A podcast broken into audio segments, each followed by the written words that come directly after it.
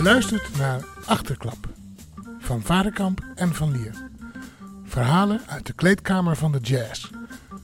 Een podcast van Bas van Lier en Michael Varenkamp.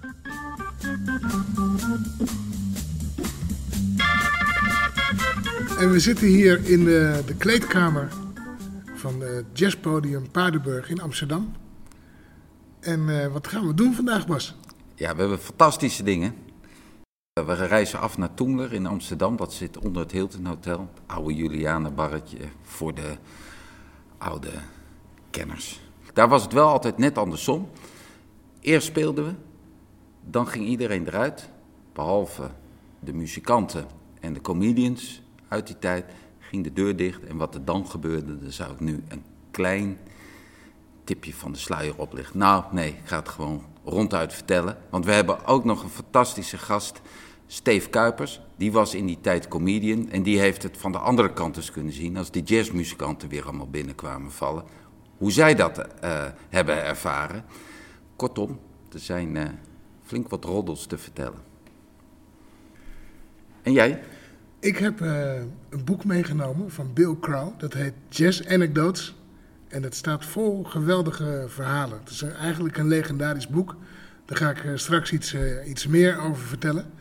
En uh, uh, ik heb een goed verhaal over mijn begintijd bij de Dutch Swing Band. En dat is toevallig ook de tijd dat ik, dat ik Benny Bailey, de trompetist, voor het eerst ontmoette. Nou, daar komen we wel overeen. Want dat zullen we zo horen. In Toemler is Benny Bailey ook geweest.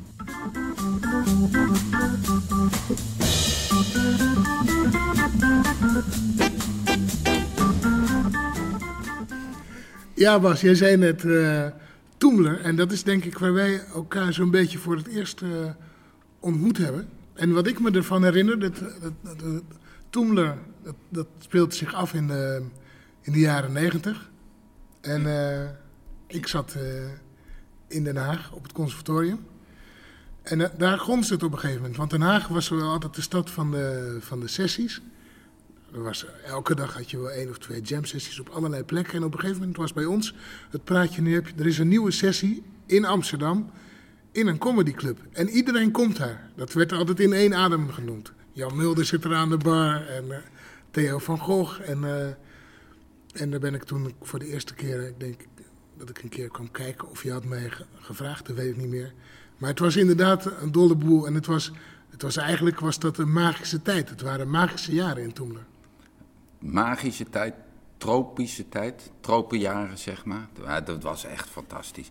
En uh, uh, het leuke was, ik, uh, het was toen destijds echt comedyclub, maar de heertjes, Raul Heertje en Erik Heertje waren de eigenaar daarvan. En die wouden, wouden een, een, een jazz club er ook van maken. Vooral Erik Heertje, die broer, die was helemaal jazzfanaat. Die zei, ja, en comedy en jazz hoort bij elkaar. En een stand-upper, een Toemler, was eigenlijk in New York uh, iemand die tussen de jazzconcerten de zaal uh, oh, met daar grappen... Komt. Daar komt die naam vandaan. Dus dat was ook heel toepasselijk dat het daar was. Het was ook nog eens een echte kelder, dus het, het kon eigenlijk niet mooier. En ik was net uit Groningen verhuisd naar Amsterdam. En iemand vroeg mij, wil je dat doen? En ik organiseerde altijd al van alles. Dus ik dacht, ja, ga ik doen. En uh, dat dat zo'n plek zou worden, tot op de dag van vandaag kom ik nog wel eens mensen tegen die zeggen... Ja, uh, doe je dat eigenlijk nog? Want uh, ik kom er altijd, weet je. Ik ben inmiddels 2008 of zo was de laatste. Dus... Ja. Ja, het was ook echt magisch. Ja, ah, het was, was super mooi. Het was de toptijd van Hans Theeuwen, uh, Theo Maassen. Iedereen, iedereen wat jij zei zat daar. Uh, uh, Theo van Gogh, die betaalde mee aan het, aan het hele gebeuren. Dat, dat, is ook nog een mooi verhaal zoals dat is gegaan. Want ik zat aan het eind van de avond, op zo'n avond, dat iedereen veel te veel gedronken had. Want je had altijd eerst de comedy show met vier comedians... Dat duurde tot tien uur. En dan om elf uur moesten wij beginnen. Maar die comedians hadden natuurlijk op een gegeven moment, ja, die vonden dat maar lastig. Komt er in één keer allemaal nieuw publiek, niet voor hun. En die, die, hè, met, met al hun ego's vonden ze dat vervelend. Dus die liepen altijd uit. Of dat nou bewust of onbewust was, dat laat ik in het midden. Ja, dan stonden we erachter te wachten. Stonden wij maar mocht je te eigenlijk wachten. niet echt naar binnen. Nee. Dus voordat wij begonnen te spelen was half twaalf of zo vaak, weet je wel. Dat was echt een, een, een, een, een, eh, eh, echt een nachtsessie. Ja, ik nam in die tijd, als, ik dan, als jij me daar eh, boekte, dan boekte ik zelf altijd een hotel erbij. Ja, ja, ja. En Want terecht. dan wist ik gewoon, ja, dat werd gewoon altijd vijf uur die ochtenden. Altijd. Want Ja. het was inderdaad zo, dan deden we een set met een gast. En daarna kwamen er nog twee sets, sessie. En dan moest iedereen eruit. En dan bleef er nog een mannetje of vijftig over. Ja. En dan ging die deur dicht. En dan ging die jam sessie weer vrolijk verder. Gingen comedians achter de bar, die het uiteindelijk allemaal ook te gek vonden. Die gingen tappen en dat werd dan een hele dolle boel. En op zo'n avond zat ik eh, naast eh, Theo van Gogh, die er altijd was. Want het was natuurlijk voor die comedians en, en, en kwamen filmacteurs en noem maar op. Die kwamen daar. Was het ook, eindelijk kon je in Toemler ook even met elkaar praten. Want Ja. tijdens een comedy show kon je nooit met elkaar praten. En dit, dus dat vonden ze super tof. Ja, en je kon eh, Katje Schuurman in het echt zien. In het echt zien, ja, nou daar kwamen dus ook weer allemaal mensen op af. Maar goed, Ja. hij eh, eh, zit daar helemaal dronken. Want Theo kon echt dronken, dronken zijn. Echt dat hij met zijn hoofd, voorhoofd op zo'n tafeltje zat, helemaal van de wereld. En, eh, maar hij was nog wel aanspreekbaar. Dus ik zeg, eh, hij zei, ja, dit is helemaal te gek, helemaal te gek, dit, eh, die jazz. ja, dat, dat moet altijd blijven. Ik zei, ja, het is wel lastig, want eigenlijk kunnen ze het niet meer betalen. We kregen niet, niet veel, maar er was altijd geldproblemen natuurlijk. Zei ja, dat kan niet. Nou, dan betaal ik het wel. En hij deed in die tijd, beledigde die eh, voor Veronica vier mensen per uitzending tot op het bot. Dat was echt Dat letterlijk, specialiteit. letterlijk zijn opdracht. Daar- betaalde hij normaal zijn films mee en eh, noem maar op. Maar hij zei, ik, eh, ik betaal het wel. Maar hij was zo dronken. Dus ik had daar ook helemaal niet meer over nagedacht. En ik werd 's ochtends, de volgende ochtend, in mijn herinnering extreem vroeg. Maar het zou wel een uurtje of tien geweest zijn, want het was na Toemler. En er wordt gezegd, eh, ja, eh, Theo belde net. Wat het rekeningnummer van Toemler is, eh, heb jij iets met hem afgesproken? En ik zei, heb ik, en ik moest weer diep nadenken. Hij zei, ja, nou, hij zei, ik zou het betalen. En sindsdien heeft hij tot zijn dood, in 2005, eh, heeft, hij het, heeft hij het betaald gewoon. Ja, want ik zei net eh, jaren negentig, maar het was er ietsje later, denk ik. Of Ik, niet? in 1998, december, ik heb de poster hangt nog thuis bij mijn moeder, vader en moeder, Eh, op mijn kamer hangt die nog. En dat was met Ben Herman en eh, eh, Jesse van Rullig. Dat waren de eerste twee gasten. Ja, maar ik, ik heb ook wel eens gehoord, dat, want dat kwam eigenlijk ook bij dat verhaal, dat, dat in het begin nog wel eens, eh, wat, laten we zeggen, wat mensen uit eh, andere milieus aan de deur eh, Nou, geweigerd werden. Want het was niet zomaar gedaan dat het, dat het een keurig nette locatie was. Het was het Juliana-barretje. En daar is die, die, die voor de deur, die, die Bruinsma. Bruinsma is daar neergeschoten, Ja, dus doodgeschoten. lokale, het was eigenlijk een soort clubhuis van, Van de van onderwereld. de lokale onderwereld. Ja, en, en dat, dat hebben ze echt, daarom gingen ze ook eh entree vragen en, eh, en, en, en een comedyclub ervan maken. Omdat anders kregen ze die mensen daar nooit meer weg. En van comedy hielden ze niet en al helemaal niet als ze stil moesten zitten en dan een, eh, eh, eh, eh, naar, naar een comedian luisteren dus, en betalen. Dus dat, dat, dat wouden ze niet.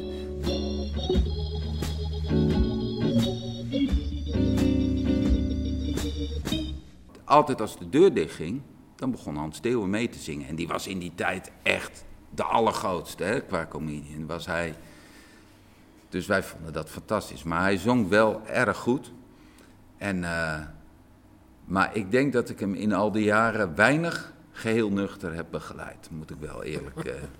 eh, ik ben ook wel met hem dan, dan op stap gegaan in die tijd. En dan was het, de ene helft van de tent kwam niet meer bij dan. En de andere helft, Die ergerde zich Ja. dood aan hem dan. Dat is met dat soort humor natuurlijk ook. Ja. Dat is zeker zo. En bovendien zat en natuurlijk, er- was sowieso in die tijd in, in, in Toemler met die, met die sessies was ook. eh, eh, de ene helft wou dat doodstil was en de andere helft wou dat, eh, de- vond dat er doorheen geluld moest kunnen worden.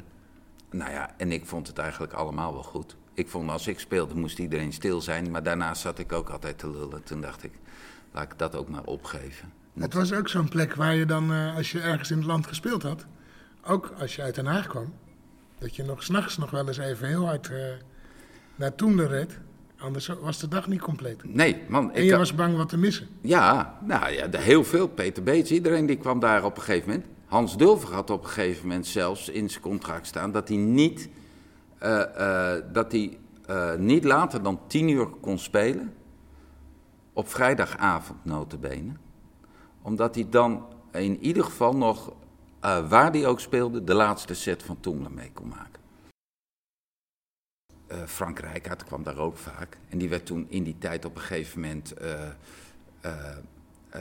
coach van Barcelona. En zijn vriend, hij kwam dus altijd met een vriend. En, en die kenden wij ook goed. Hij was grote jazzliefhebber. En eh, eh, die zat er dan ook altijd. En die belde dan, dan had, stond hij dus in, in Camp Nou, is dat toch, hè? in eh, dat stadion in Barcelona, Ja. ja. Eh, super heavy wedstrijden, hoeveel mensen kunnen erin? 80.000, ik weet ik veel. En dan stond hij in de pauze naar Toemler te bellen hoe het was. Of het wel gezellig was, weet je wel. Het is toch absurd dat je daar... eh, Had hij mee? ja, echt letterlijk.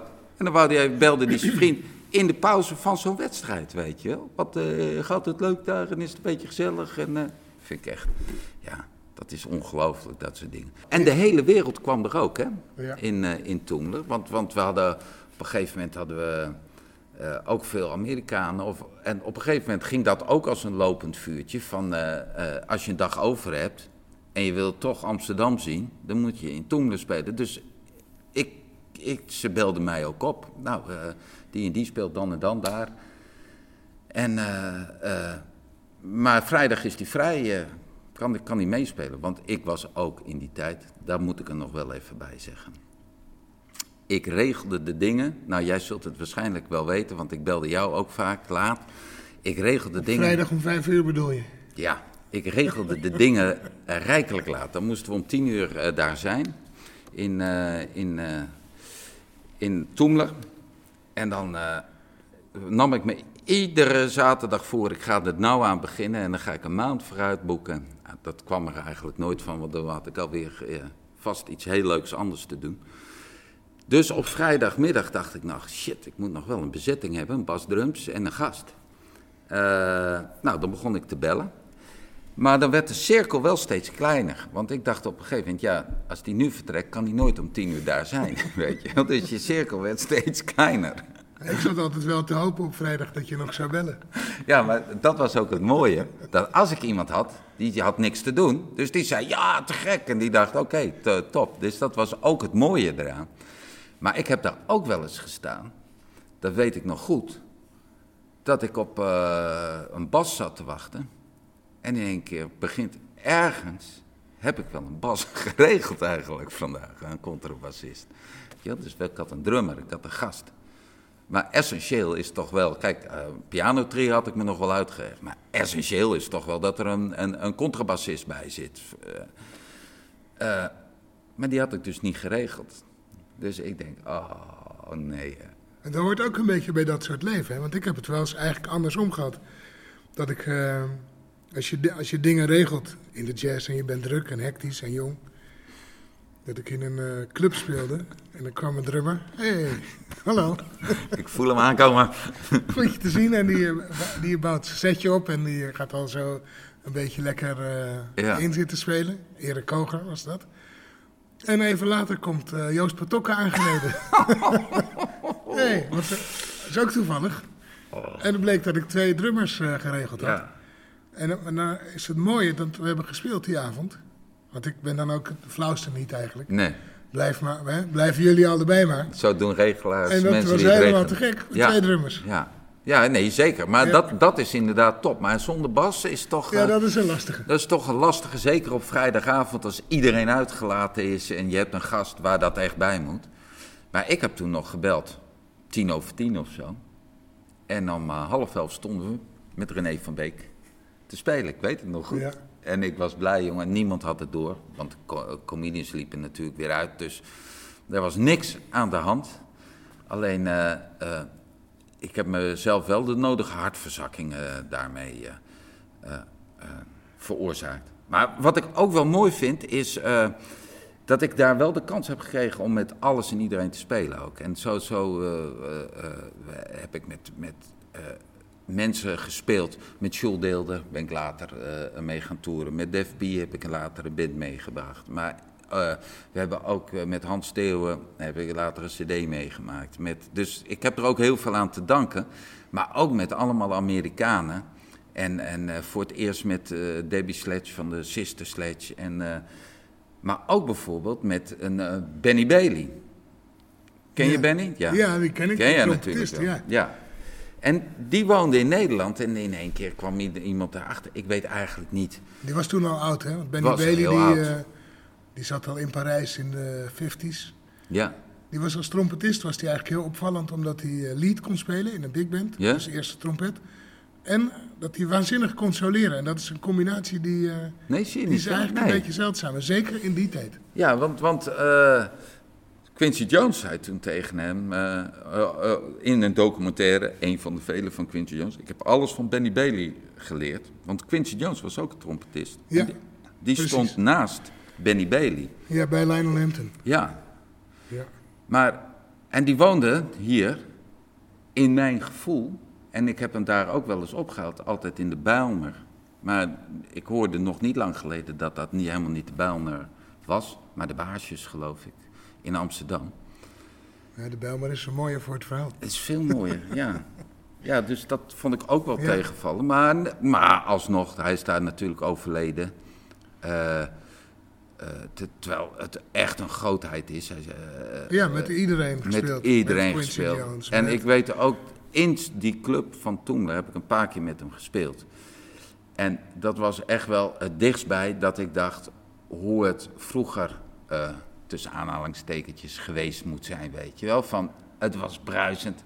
Zo'n man zat echt, ja, Echt een legende. echt een legende op die manier spelen. Hij was al oud, maar toch was het, was het eh, supergoed. Er is ook nog een hele mooie foto. Ik weet niet waar die gebleven is meer. Die hebben ze uitvergroot. Die hing nog in, in Toemelen, dat, je, hem, eh, dat hij speelt daar. Dat is super mooi. en, en, en hij was nog een vrouwenversierder van hier tot Tokio. Want de Ja, eerste een rij... charmeur was dat, hè? Ja. Echt een charmeur, Ja. meneer. Echt niet te geloven. Ja, tegen zijn medemuzikanten zei hij eigenlijk nooit iets. Maar als er een mooie vrouw naast hem kwam staan, dan was hij een en al hoor. Ja, en hij wou ook niet naar huis. Terwijl eh, hij was toch echt al eh, flink op leeftijd. En, eh, maar dan ging hij ergens tussen wat dames zitten. Truus Engels, weet ik nog. De, de, de, de zus van John Engels, Ja, de tuurlijk, grote ja. drummer, weet je wel. En eh, nou, die wisten ook precies hoe ze hem eh, moesten eh pleasen. Dus dan had hij de tijd van zijn leven. Wat ik altijd mooi vond in Toemler, waren die avonden dat we, en daar had jij veel werk aan, dat weet ik, maar dat we speelden met comedians eigenlijk. Want dat, wat mij eigenlijk altijd opvalt bij acteurs en comedians, en eigenlijk nog bij veel meer mensen, dat ze altijd, hun droom is eigenlijk om muzikant te zijn. Ja, ja klopt. En er wordt tegen opgekeken en dat heeft dan voor hun weer een soort onbereikbare magie. Ja, En eh, dat had jij bedacht, of de, de- ja dat dat je maar, precies, dat het te gek zou zijn als iedereen een keer zijn favoriete jazzlied zou zingen. Wat natuurlijk eigenlijk hilarische dingen opleverde. Want er was natuurlijk maar een enkeling, zoals Steve Kuipers bijvoorbeeld, Steve, ja. die, dat, eh, die dat echt go- goed kon. En de meeste zakten natuurlijk min of meer door het ijs. Maar dat was nou precies wat er leuk aan was. Ja, het was, was top. Maar jij zegt jazz, maar we deden van alles Ja, we volgens deden mij. van We alles, de- ja. staat ook de dijk daar te spelen. Ja. En, en eh, Mark-Marie Huibrechts heeft de Roos nog een keer gezongen, weet ik. Wat op zich wel leuk was. En, eh, maar dat, juist omdat het geen jazzstukken waren, had ik daar een enorm werk Ja, aan. is dat alles uit te schrijven? Man, en ik, in die Nee. tijd zat ik voornamelijk bebop te spelen. Dus dan moest ik in één keer eh, eh, eh, een vaag popnummer gaan uitzoeken. En, Ja. even repeteren, smiddags. Ja, Of een hele dag eigenlijk. ja dat, maar dat was wel top, was dat. Dat was echt super.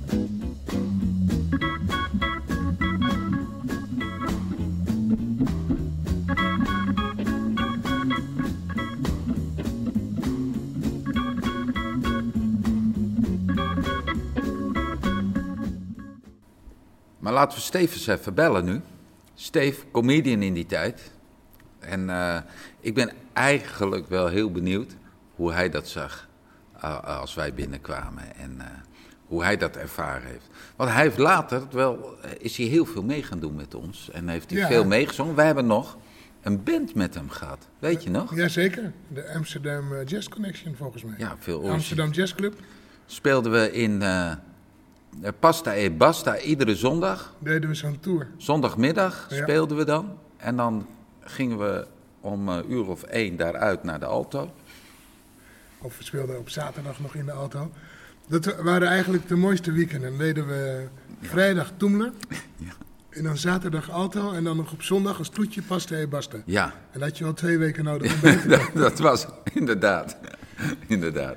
En eh Pasta e Basta was een geweldige, geweldige zaak. Ja. Waar zat hij ook alweer? Die zat eh, op de Spiegelgracht. Spiegelgracht van Hans Duif was die tent. En dat was. eh, ik, ik kan daar eh, het einde altijd slecht herinneren meer. Want het- de, de fles champagne popt altijd meteen over. Maar ik kan één ding van Harry Emery, de bassist. met wie jij veel speelt, nog herinneren. Er zaten een keer, ik denk wel twintig Russische vrouwen. aan een, aan een lange tafel. Waar wij speelden. En wij, wij keken daar recht op uit. En eh, eh, die, die hadden de hele dag waarschijnlijk in de PC Hoofdstraat eh, lopen shoppen. En die gingen eten in Pasta Basta en wij speelden. En die dames zaten met z'n allen maar naar één iemand te kijken, dat was Harry Emery. Maar Harry Emery zat ook aan één stuk ze allemaal te scannen in, in die tijd. Met, eh, hij had toen zijn blouse nog tot, tot, tot, tot zijn navel ja, en lang haar. En, En lang haar. Harry is natuurlijk geboren met de eeuwige jeugd, laten we eerlijk Laten zijn. we eerlijk zijn, absoluut. En ik weet dat wij al, al op zijn minst twee flessen champagne achter onder onze kiezen had. En stond hij nog met de volgende dame op de foto. En de volg, al die dames wouden op de foto met Harry Emery. Dat weet ik nog. En Steve zong daarbij. Maar nu wil ik weten hoe het verhaal van Steve is. Kom, we gaan hem bellen. We gaan hem bellen.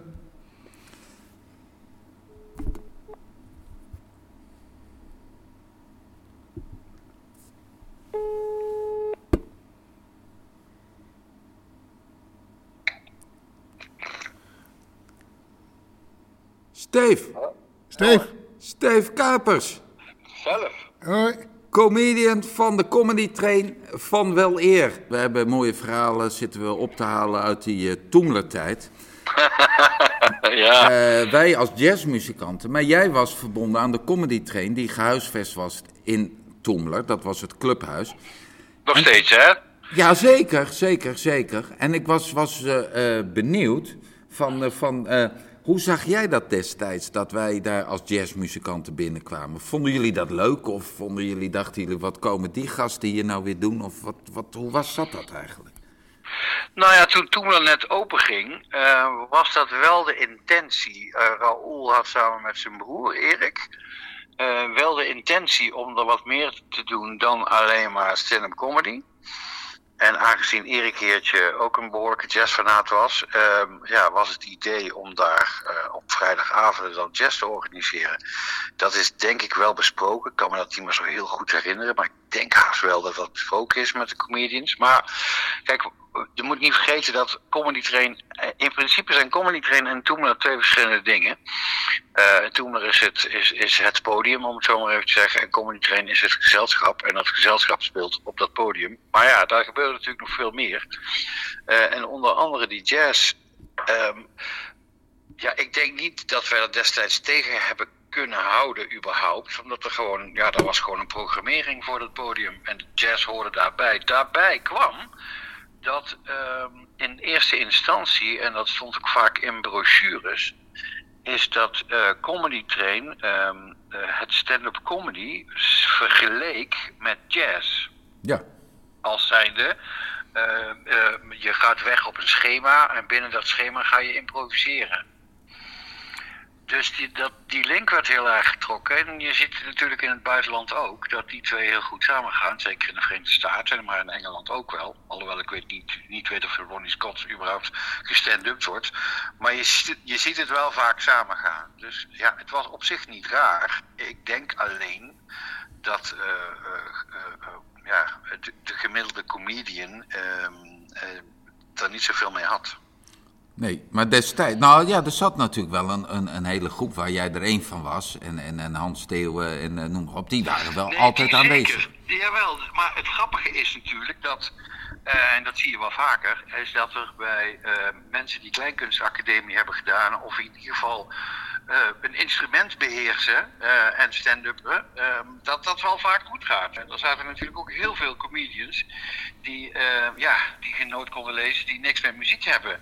Um, ja, en dan gaat het heel snel over. Uh, omdat je, als je die muziek niet begrijpt. Maar goed, als je kijkt naar, ik noem uh, een, een Murt Mossel. Uh, of, of want ik zat met Murt heel vaak als we met Comedy Train Tour waren. Zaten we lekker Miles Davis te luisteren in de kleedkamer. Weet je wel, hij heeft op dingen gewezen, ik op hem. Zo ging het wel. Yeah. En er waren er uiteraard wel veel meer die dat hadden. Maar ja, ik kan me wel herinneren dat de vrijdagavond, want dat, dat was dan de avond dan gingen wij, uh, dan gingen wij uh, met vertrekken met Comedy Train met in het achterhoofd van oh fuck, we moeten opschieten, want de jazz komt. Zo werd het dan gecommuniceerd. De jazz ook, hè? alsof er maar één is. En ja, langzaam leerden we die mensen natuurlijk kennen. Maar ik ken ook genoeg jongens, comedians, die zodra wij uh, na de voorstelling even gebabbeld hadden, die dat meteen weggingen bij de eerste. was gewoon meteen weer weg. ja, die, ja vonden het, sommigen vonden het herrie. Uh, wat het meest tegen mij gezegd was in die tijd, is toch wel. Uh, kan het wat zachter? Ja, ja en, dat is, en dat is natuurlijk. Kijk, je moet je voorstellen, kijk, ik vind, ja, ik, ja, het is heerlijk. Je moet je voorstellen dat er mensen een avond naar de comedy train hebben zitten kijken. Um, die kopen een kaartje, die gaan daar zitten, en die zien wat beweging en die denken, huh? um, weet je wel, er staat een, een, een piano, want het, het, oude podium nog, hè, want de situatie is op een gegeven moment gewijzigd natuurlijk bij toen qua podium. Maar vroeger was het podium in de hoek. Ja. En, uh, en daar speelden jullie dan. Uh, maar ja, situatie gewijzigd. En, uh, en dan moest iedereen er niet uit. Iedereen mocht blijven zitten. Dus wat je dan krijgt, is dat mensen denken: ja, ik weet niet wat er gaat gebeuren, maar misschien leuk, zo'n pianootje of zo, weet ik veel. Maar dan was het natuurlijk tegen aan de hand, want er kwam er gewoon knetterharde hardbop even om de hoek. Dus er waren heel veel mensen die dachten, de fuck krijgen we nou joh? En dan kwam er nog een of andere maffe Amerikaanse psychiater binnen met een hoed op en die begon met zijn vrouw te dansen. Die dacht, is hier gek geworden of zo? Wat de fuck gebeurt hier? Dokter Salsa. Dokter Salsa, precies. Die kwam ook altijd nog even, even een dansje wagen, weet je wel. Dat je denkt, wat... Ja, ja, ik kan me goed voor. En dan, en dan mensen die willen zo'n voorstelling nabespreken. En die worden dan geconfronteerd met knettergoeie muziek. En dan weten zij ook wel. Alleen kan dat dan op dat moment even geen plek hebben. Nou, dat is later natuurlijk wel verbeterd, maar zeker in het begin was het super verwarrend voor heel veel mensen. Ik kan me voorstellen dat ze dan denken, ja, mag het alsjeblieft even wat zachter? Wij zitten nog lekker van ons wijntje te genieten en na te praten van een voorstelling. Ja, en ja, het was, was ook wel mooi dat er een soort, een soort hipheid dan toch losbarstte. Dat onbegrip had misschien ook wel zelfs een soort, oh nee. zelfs een soort charme ergens absolute hipheid. Dat is krankzinnige hipheid, Marcel. Dat klopt ook helemaal. En ik kan me nog herinneren dat toen ik bij Radio 6 werkte, jaren later, Maarten Hooghuis van Bruut, die saxofonist, uh, tegen mij zei, hij zei, toen ik, toen ik vanuit de provincie naar Amsterdam kwam naar het conservatorium, de eerste vrijdagavond heb ik mijn sax op mijn rug gebonden, ben ik naar Toemelen gegaan, want daar moest ik zijn. Ja. Het was, daar moet je ook zijn. Er was niks anders. Je ja. moet daar gespeeld hebben, of in ieder geval daar je neus laten zien. The place to be. Weet je, voor de sessies van Nel, voor de sessies van welke plek ook in Amsterdam, was dat gewoon de place to be. En dat was een hipheid. En wat daar rondliep was allemaal hip, hip jazz. Uh, uh, ja, het maakte niet uit. Je moest daar binnen zijn met een koffer. Anders, ja, anders had je er niks te zoeken. Of je moest een pianist zijn. Maar de meesten hadden een koffer bij, bij zich. Met een sax of een trompet of, of, een, of een, weet ik veel, gitaar. Uh, ik heb ook mensen met contrabassen binnen zien komen die in de hoek moesten staan. Joh, ik heb een keer een avond gespeeld zonder vier contrabassen bij de kassa. ja, serieus. Dat je denkt, ja jongens, maar er staat er toch gewoon één. maar ja, dat, die kwamen dan van een gig af. Ja, die laat je niet in de auto liggen. Kijk, een banjo laat je in de auto liggen. En als je dan geluk hebt, als je terugkomt, liggen er twee. Maar, uh, maar op een gegeven moment was het dan klaar. En dan kwam de nazit. Dan was echt veel Toemler leeg. Dan was alleen nog het personeel. Dan ging ik vaak achter de bar staan. En de meeste muzikanten bleven, ik kan me herinneren, dat Michael bleef ook wel vaak hangen. Jij bleef vaak hangen ook, Michael, als je speelde. Ja, ik eh, boekte altijd een hotel, want ik eh Oh ja, ja precies. voorzag het ja. al. Maar ik ben van nature nogal een plakker, ja. Ja, dat is heel, heel van nature nogal een plakker. Is een tegeltje waard. Maar, ehm, maar ik kan me nog wel herinneren dat, dat heel soms, als het Hans Steeuwen dan weer binnen was, dat, dan begon het gewoon weer opnieuw. Voor het personeel. Dan vond het Hans vond het ontzettend belangrijk ehm, eh, om, om nog even te gaan zingen. En dan was het eh, met Bas achter de piano en dan ging het gewoon nog even door ging, gingen die gewoon nog een paar liedjes doen voor het personeel. Nou, en, en, en, en 60 jazzmuzikanten die ook nog even waren blijven plakken. Snap je? Nee. Ja, precies. Ik kan me nog wel een avond herinneren eh, met een, met een ik, weet, ik, weet, ik weet niet meer wie jij te gast had, Bas. Ik weet alleen nog dat ik op, aan een tafel terecht kwam met, eh, met, eh, met Theo van Gogh, Hans Steeuwen, eh, Katja Schuurman zat erbij. Eh, ik denk eh Birgit Maasland zat erbij en die columnist van het Parool, weet je. de- Theodor, Holman. Theo, de, Theodor Holman die zat er aan die tafel. En toen, oh ja, nou weet ik het, ja, toen ging het over. Ze waren bezig met een brainstorm over de film Interview. En ze hadden dan Katja gestrikt voor de hoofdrol, maar ze moesten nog een mannelijke hoofdrol hebben. En toen heb ik geloof ik nog tegen Theo gezegd, nou je mag me ook best bellen bij mijn dronken bek. Ik had geen idee joh. En? Ja, heeft hij gebeld? Ja, Pia Bokma is het geworden. Dus.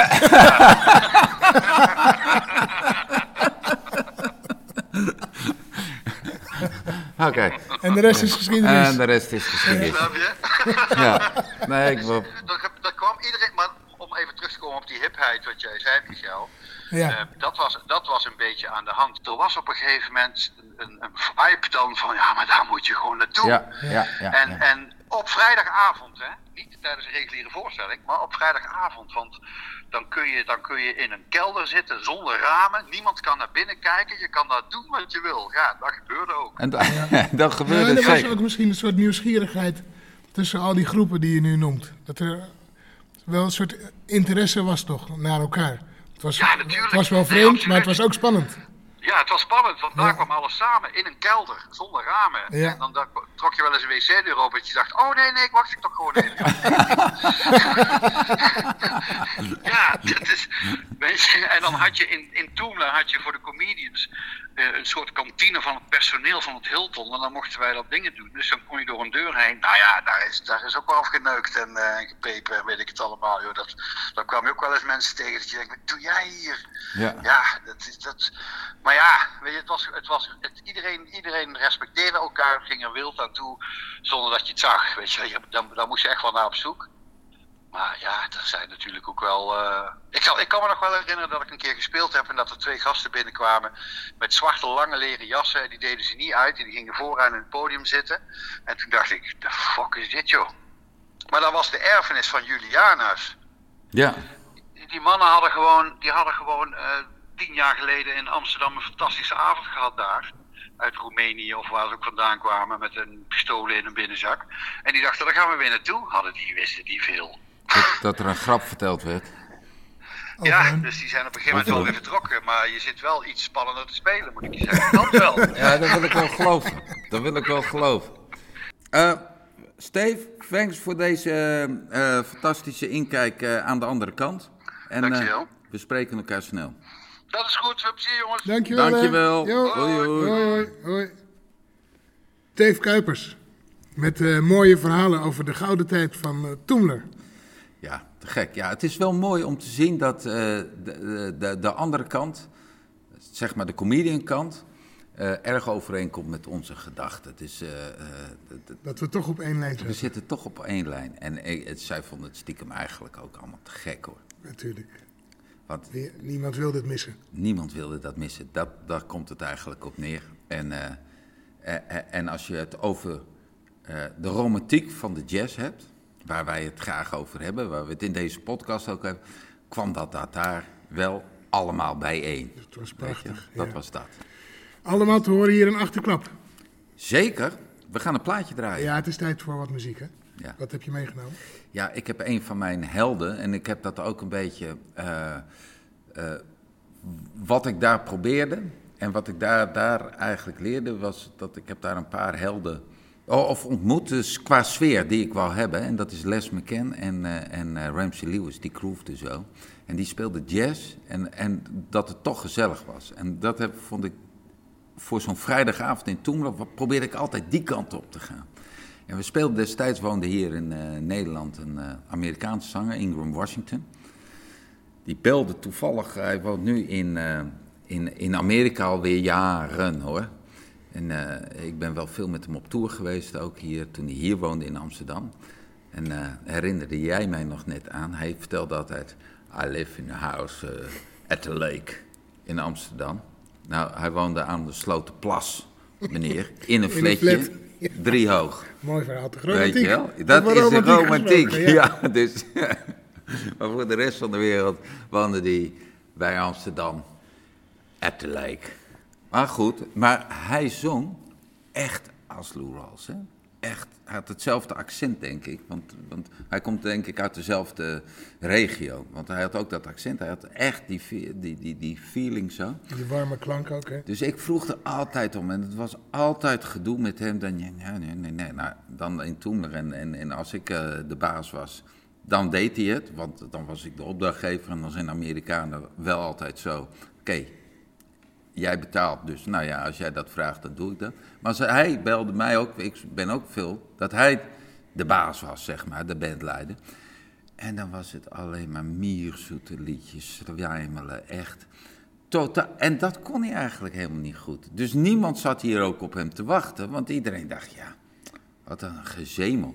Maar zodra hij begon te zingen zoals Lou Rawls, dan stond zelfs Toemler op zijn kop. Hè? Echt, dat was niet normaal. En dus ik dacht, deze plaat is wel oké, want ik probeerde in die tijd Ramsey Lewis en Les McCann te zijn. En hij zong dan eh, Lou Rawls. En eh, het, was een beetje naar dit voorbeeld zoals ik vrijdagavond probeerde te beleven. Ga hem opzetten.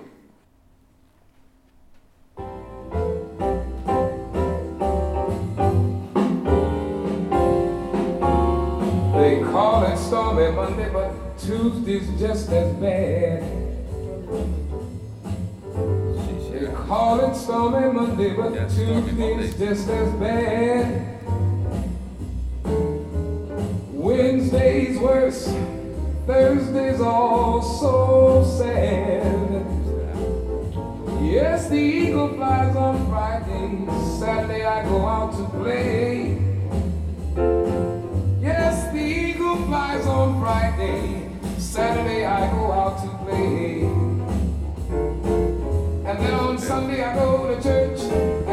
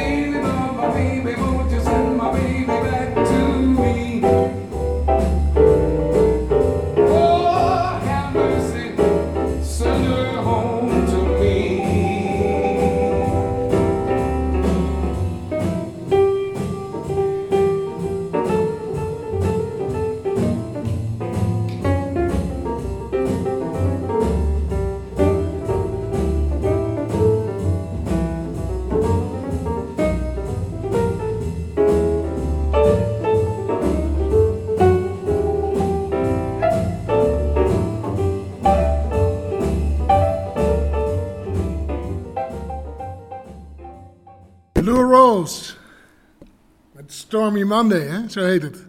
Ik heb hem een keer ontmoet, die, eh, die Lou, Lou Rawls. Ja, ik eh, heb één jaar heb ik ooit gewerkt als eh, aankondiger van de, in de PWA-zaal tijdens het Noordse Jazz Festival. Klopt, ja. En dat was in 1990. Zo. En daar was ik door ge- getipt eh, bij Paul Arquette door eh, Fred Raquet. Ja? sportverslaggever, maar die ook jazzfanaat was. En eh, ik, in die zaal, dat was eigenlijk was dat de grootste zaal van het festival destijds. Ja? En eh, iedereen kwam daar eh, voorbij. Ik heb eh Robbie Hancock aangekondigd en George Benson en Dizzy Gillespie, maar ook Lou Rawls. Dus ik zag al die mensen backstage. En ik, Ja, op een gegeven moment zag ik dat hij aankwam lopen, Lou Rawls. Met naast zich had hij echt een prachtig meisje van eh 25. Ja. En ik was 19, dus ik dacht. Ik was ook nogal groen. Ik dacht, hoe kan dat nou toch? Zo'n zo'n man, want hij was al aardig op leeftijd. Hoe kan het nou toch dat hij met zo'n jong, dun, blond meisje getrouwd is? En eh, hij zag mij kijken. Ja. En, en hij dacht, eh, ik moet even ingrijpen. Want toen zei hij, what's up, brother? Heel Echt vriendelijk. waar? Ja. Oeh! Ik kreeg even een soort tik op mijn neus. Maar, Even, je hebt even een wijze les geleerd. Alle eh. vriendelijks, ja. En daarna heeft iemand me nog s'avonds uitgelegd hoe dat, eh, hoe dat dan zat. En wat eh, de gewoonte was tijdens, eh tijdens Noordzee. Dat veel, eh, veel Amerikanen, en zeker als ze zo beroemd waren, die kwamen dan hier. En dan huurden ze gewoon een gezelschapsdame voor, voor een dag of twee, drie. En dat was natuurlijk wat ik zag, maar dat wist ik niet. Dat wist jij veel? Ik had geen idee. Nee, oh wat gek. Maar ja, het is wel echt een grote held van mij hoor, zoals hij zingt. Dat Dat is is uniek, uniek stemgeluid toch uniek ook, hè? stemgeluid. Ja, en uit welke tijd is deze, deze opname zo'n beetje? Want hij had denk ik zijn topjaren. Hij was natuurlijk eigenlijk een soort R&B-zanger die wel een paar, volgens mij Nou, wel een paar natuurlijk. hits gehad heeft. Want hij, hij was natuurlijk ook de van, van eh Otis, toch? Die tweede stem. Ja, oh, is, Is, dat zijn, is, eh, eh, is hij, wa- waardoor het eigenlijk zo te gek klinkt. En da- daar komt hij natuurlijk vandaan. Dit is... ja, dan zou ik de platen weer even bij moeten pakken. Doen? ja, ja. Is Ik- dit? Ik denk jaren 60. Zo klinkt het in ieder geval wel. Ja, we kijken straks even. Dan, Ja. eh, dan, eh, we, zetten hem, op- we zetten hem op social media ja, met het jaartal kan je op. Facebook kijken uit welk jaar die is. Ja. En je had het eerder even over, eh, het schoot mij te binnen wanneer ik Benny Bailey voor het eerst eigenlijk Benny Bailey, heb. de trompetist. De trompetist Benny Bailey, ja, waar we het net over hadden. ja daar hadden we het over gehad, ja. in Toemler kwam. Ik zat ooit als jonge man een aantal jaar in de, in de Dutch Swing College Band. Ja, wanneer was dat? Ja, dat was zo eh, vanaf 1995 tot 1999. Ja, want- ja, ja. De, de, de Dutch Swing College Band, ik wist helemaal niet dat die... Ik, dat was altijd van Kees Schilpoort, zeg maar. van, Peter. Van, eh, van Peter, Peter Schilpoort. Schilpoort. Van, van vroeger. Maar Kees Schilperoort was van de radio, Ja, van het spelletje. dat is het. Peter Schilperoort, en die band die is opgericht na, op, op 5 mei 1945 officieel. Zo, ja? Daar- daarvoor speelden ze al stiekem, overigens, in de, tijdens de bezetting. Daar zijn ook allemaal mooie verhalen over. Dat ze in, de- in, in de kelders in Den Haag speelden en dat er dan iemand op de uitkijk stond. Echt Speelden waar? ze gewoon jazz, maar als er dan eh, Duitse soldaten aankwamen, Dat was het... eh, dan werd er even gefloten en dan gingen ze ineens heel schijnheilig keurig net de dansmuziek spelen. zo, zo. Maar En- dat die en- al zo lang bestond. Maar ze waren echt wereldberoemd. toch? Wereldberoemd, ja. En eh, in die tijd, het als je in die band ging, dan was eigenlijk je kostje gekost, eh, gekocht. En dat werd gezien als een soort topfunctie binnen, binnen de jazz. En binnen die, zeker binnen die traditionele jazz. Ja. En, eh, dus dat was, was bijzonder om daar deel van uit te maken. Maar het was ook helemaal te gek, want we reisden eigenlijk over de hele wereld. Je werd overal ontvangen als een koning. Ja. We verdienden 600 gulden per, eh, per optreden. Zo. En we maakten soms tours van eh, drie weken, vier weken, zes weken. Dus ik viel met mijn neus in de boter. Ehm, eh, ik had de auditie gedaan en ik was, was aangenomen. En de eerste grote tour kwam eraan. En ik zal het nooit vergeten, toen was ons allereerste optreden. Dat speelde zich af in, de, in een kantine van een ijshockeyclub in eh, Zuid-Duitsland. En daar heb je dan auditie voor gedaan. Nou ja, precies. Ik dacht natuurlijk, eh, dacht ik eerst, eh, wat, wat krijgen we nou? Is dit dus de... Dat was een romantiek die ik nog een beetje moest leren begrijpen. maar een, een dag of twee later gingen, reisden we door naar Zwitserland. En daar stond ik 's ochtends bij het, bij het ontbijt, bij de verse broodjes en de vleeswaren. En wie staat er ineens naast me? Joe Zawinul. Echt, ja, dat- die was Zwitser natuurlijk. eh Oostenrijker. Oostenrijker, maar die had ook gespeeld daar ergens in de buurt. En die zei eh, goedemorgen en we hadden nog een leuk gesprekje. Dus toen dacht ik, oh ja, dit is, eh, dit is de eredivisie. Opletten nu. En toen hadden we een dag vrij en je kon, eigenlijk, je kon eigenlijk nooit zoveel doen in die tijd op die, op die vrije dagen. Sommige mensen gingen wandelen, maar ja, ik was natuurlijk jong, dus het was veel, eh, veel praten, veel lachen, eten, drinken. Dat waren natuurlijk heerlijke dagen eigenlijk. Ja. En, ehm, en toevallig was er eh, die avond was er een concert in de stad met John Feddes en Roy Hargrove en Terrell Stafford en Benny Bailey. Oké, dat is wel echt de, de, de, Champions League met Ja. En ik had eigenlijk nog nooit van hem eh, gehoord, dus ik daar naartoe. En het was ook nog, dat is ook heerlijk als je zo, als je de hele dag jong en energiek, als zo aanstormend eh, Ja. jazzmuzikant, kan je ook nog met gemak de hele middag op het terras zitten en s'avonds gewoon in de concertzaal zonder eh, hè, dat, je in slaap te vallen. dat je alles nog meekrijgt. ja, ja. En wat nou zo mooi was, John Feddes, dat is echt de koning van de hoge noot. Hè? Dat is eigenlijk een eh, protégé van Dizzy Gillespie. ja. Eh, je zou denken, die veegt de vloer met iedereen aan. Er is heel veel power. En Roy Hargrove, die had ook weer zijn eigen ding, zijn jeugdigheid. En eh, met Benny Bailey, dat, die zie je eigenlijk eh, niet aankomen. Want die kan gewoon alles. En die heeft zo'n fluwele techniek eigenlijk. ja. En die veegt eigenlijk stiekem met iedereen de vloer aan. Echt waar, ja. Ja. Ja, dat, dat, dat is, dat is grappig. Dat, dat, zou- dat zou ik niet zeggen, maar dat is dus... Ja, en ze- daar kon hij ook echt spelen. En dat heeft me later ook nog wel verbaasd dat hij dan... Dus hij bleef goed overeind tussen Roy Hargrove, die Ah, natuurlijk het aankomend talent was. kon het eigenlijk niet winnen van hem. Die, eh, Oh, te gek. En, en, en, zag je ook een beetje hoe die hiërarchie was, of niet? Want, want ja, zeker. Benny want, Bailey eh, is zonder muzikanten natuurlijk ook wel eh, is echt, echt een legende. echt een legende, Ja. precies. En je zag wel, want dat zie je wel vaker, dat John Feddes die heeft ook wel een soort natuurlijke autoriteit. Dus, en die is ook georganiseerd. Ja, Dus die re- regelt dat allemaal wel, dat het zo om, hoe het om hem heen staat. Zeg ja, maar. ja, ja. ja. Maar ja, als er dan op spelen aankomt en wie eh, het meeste applaus krijgt en wie de sterkste zeggingskracht heeft. Benny eh, Bailey? was Benny Bailey, die was absoluut eh, de koning. Dat is raar, maar hij is eigenlijk altijd een beetje buiten alle lijstjes gebleven, toch? Want, want uiteindelijk is hij ook eh, alleen gestorven hier in, in, in, in, in de baarsjes, blijkt. Maar voor mijn hoofd is het gewoon eh, de Bijlmer. En hebben ze echt eh, dagen... Hij was bijna begraven, gewoon een staatsbegrafenis, zonder, zonder mensen, omdat ze niet, niet wisten wie het was. Dat eh, gewoon een onbekende man, zonder, zonder familie. Ja, In plaats van dat ze hem even gegoogeld hadden. Ja, en dat Simon Vinkoog dan eh, een gedichtje voor komt lezen. Ja. Die deed dat in die tijd. Maar toen konden ze natuurlijk niet googlen. Dus dat was eigenlijk wat me, dat was ook wat mij zo, eh, ja, dat is zo ver- verbaasde. Van de, dat hele beeld van die man die dan in de Belmer zit. Ja. De hele dag een beetje met zijn trompet. Ja. En die dan eh, er, er even naar Schiphol gaat en naar de andere kant van de wereld vliegt. Om de wereldtop op het gebied van jazztrompet een lesje te leren. ja. en dan weer En terug. weer terug en Ja. dan weer op zijn kamer Ja. gaan zitten. Want er werd ook nog, de, de buurt werd ook nog, en nou, niemand wist eigenlijk, nee, niemand wist wie het was. Ja, ze hadden hem wel zien lopen, maar, maar, maar de, de bakker op de hoek, echt letterlijk, wist al niet meer wie het was. Weet. Volgens mij heeft René van Beek hem een beetje...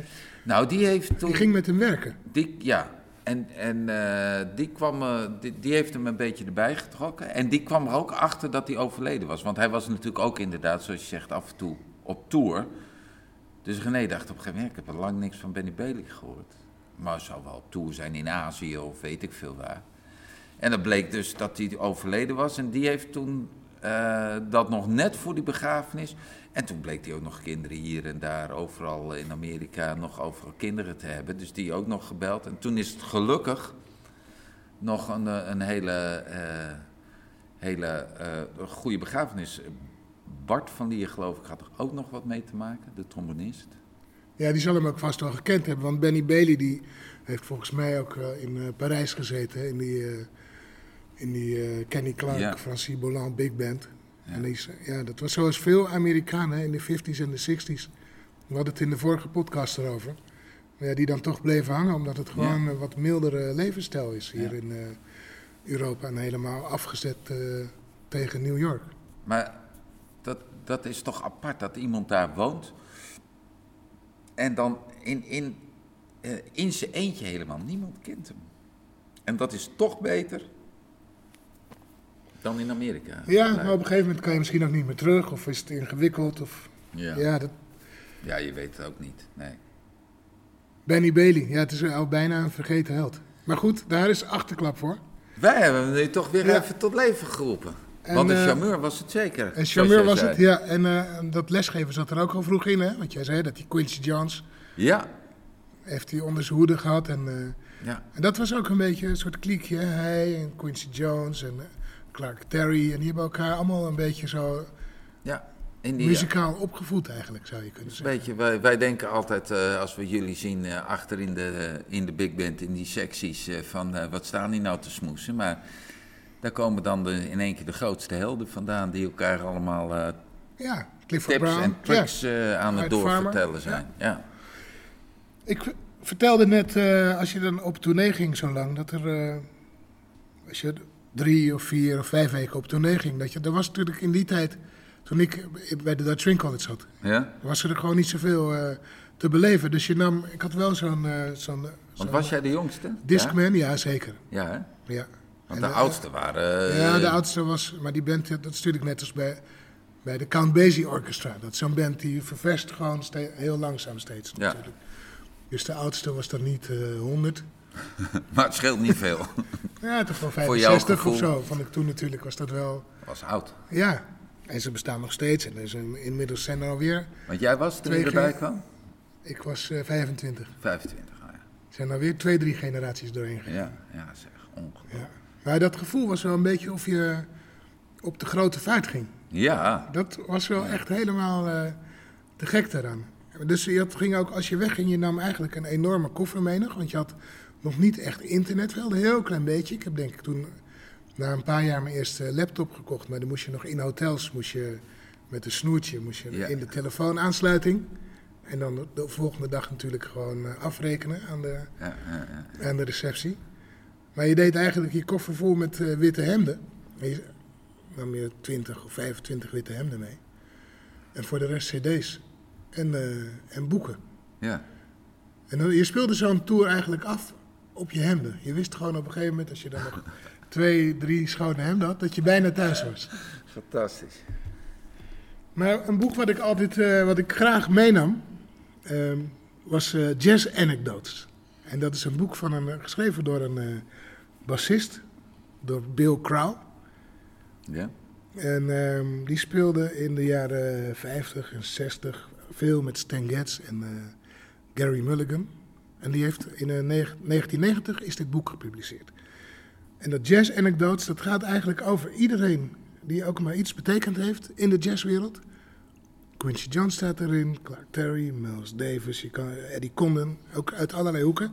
En dat is een te gek boek vol met, met grappen, met sterke verhalen. Het is eigenlijk wat wij doen. Met anekdotes, met pranks. Ja, het is eigenlijk wat wij doen. Wel eigenlijk wat wij Ja. doen, toch? En het is heel mooi. eh, het is fantastisch eh, eh, gerubriceerd allemaal. Dus je kan ook achterin kan je ook precies vinden wie, wie je waar staat. Kan, En, kan je eh, één klein, klein dingetje Ja, ik, want ik, ik ging er weer eens in lezen. Want ik verslond het natuurlijk toen Ja. ik dat voor het eerst zag. En toen kwam ik eigenlijk twee te gekke verhalen tegen. Eentje over...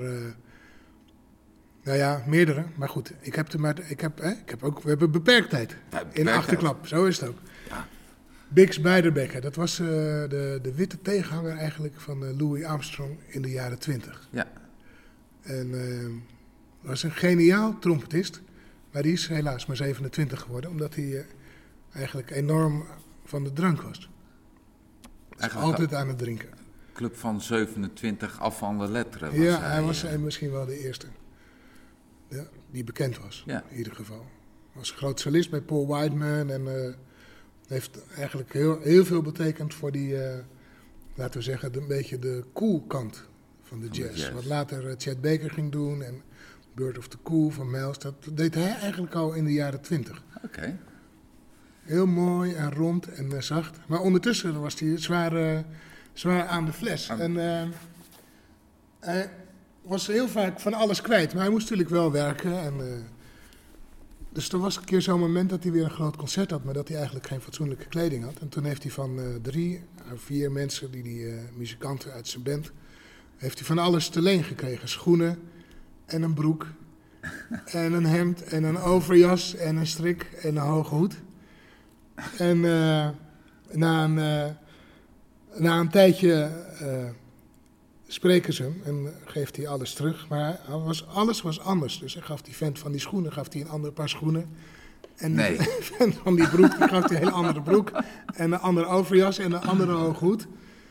En toen eh, vroeg, durfde er eentje die... Want het was eigenlijk een beetje een, softe jongen. Eentje die vroeg heel, eh, heel beleefd... eh, maar heb je het, wel- heb je het wel echt leuk gehad? En waarop Big zei... Ja, dat weet ik niet meer. en een ander verhaal over, eh, over eh, Freddie Green, de gitarist bij Basie. Dat staat in het hoofdstuk Pranks.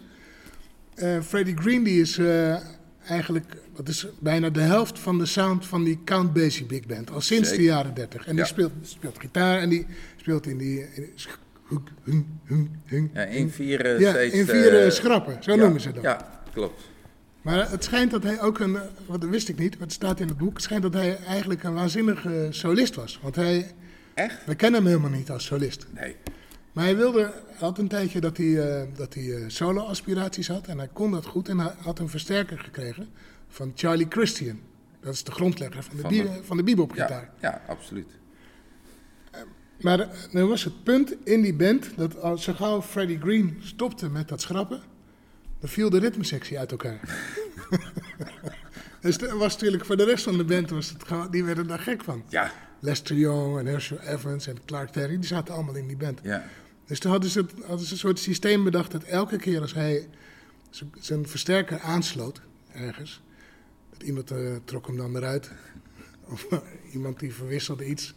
Of ze zetten hem uit vlak voordat hij gaan soleren. Van die, van die kinderachtige dingen, ja. En eh, één dag hadden ze gewoon de hele binnenkant eruit gesloopt. en to- toen was hij er wel echt klaar mee. En toen heeft hij nooit meer gesoleerd. Maar hij was misschien wel een hele Dat was de bekende... Wes Montgomery eh, de Ja. tweede geweest. Ja, of de eerste De eigenlijk. eerste, ja. En het- zelf zei hij daarover later, als ze dan eh, aan hem vroegen... Ja, waarom, eh, meneer Green, waarom eh, soleert u nooit? Dan zei hij, ja, ja, dat is niet helemaal waar... want ik heb in, eh, in 1942 heb ik nog daar en daar heb ik nog acht maanden solo gespeeld. Ongelooflijk, ja. Maar het is wel belachelijk, want hij was ook altijd in die mix, zeg maar, van die band, dat je hem niet hoorde, maar als hij er niet was, dan, Ja. dan hoorde je Dus ze waren natuurlijk Dus- soort verslaafd aan iemand. Ze Ja. konden gewoon niet meer zonder. Nee, nee. En hij, hij heeft ook...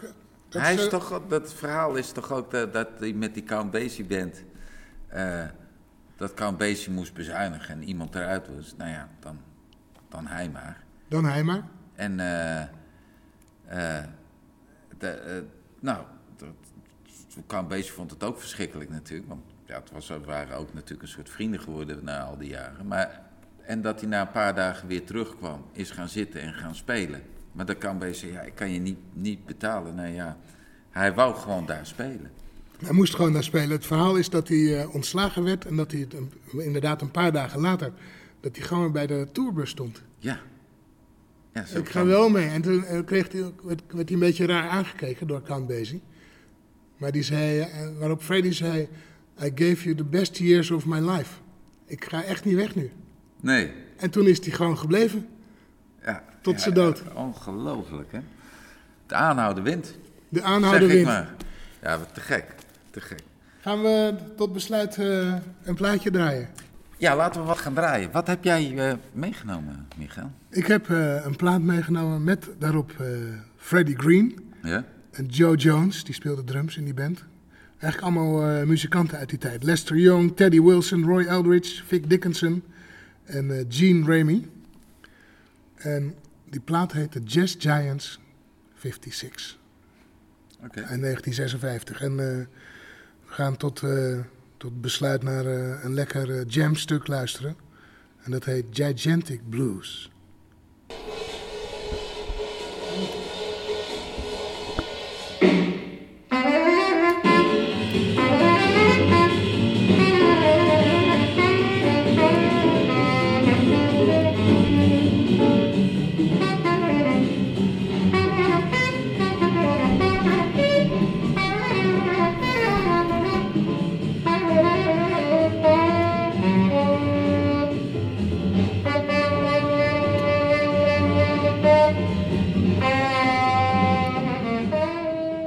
hebt geluisterd naar Achterklap. Een podcast van Bas van Lier en Michael Varekamp. Techniek Klaar Maus. Je kunt natuurlijk ook nog even kijken op onze site www.varenkampenvanlier.nl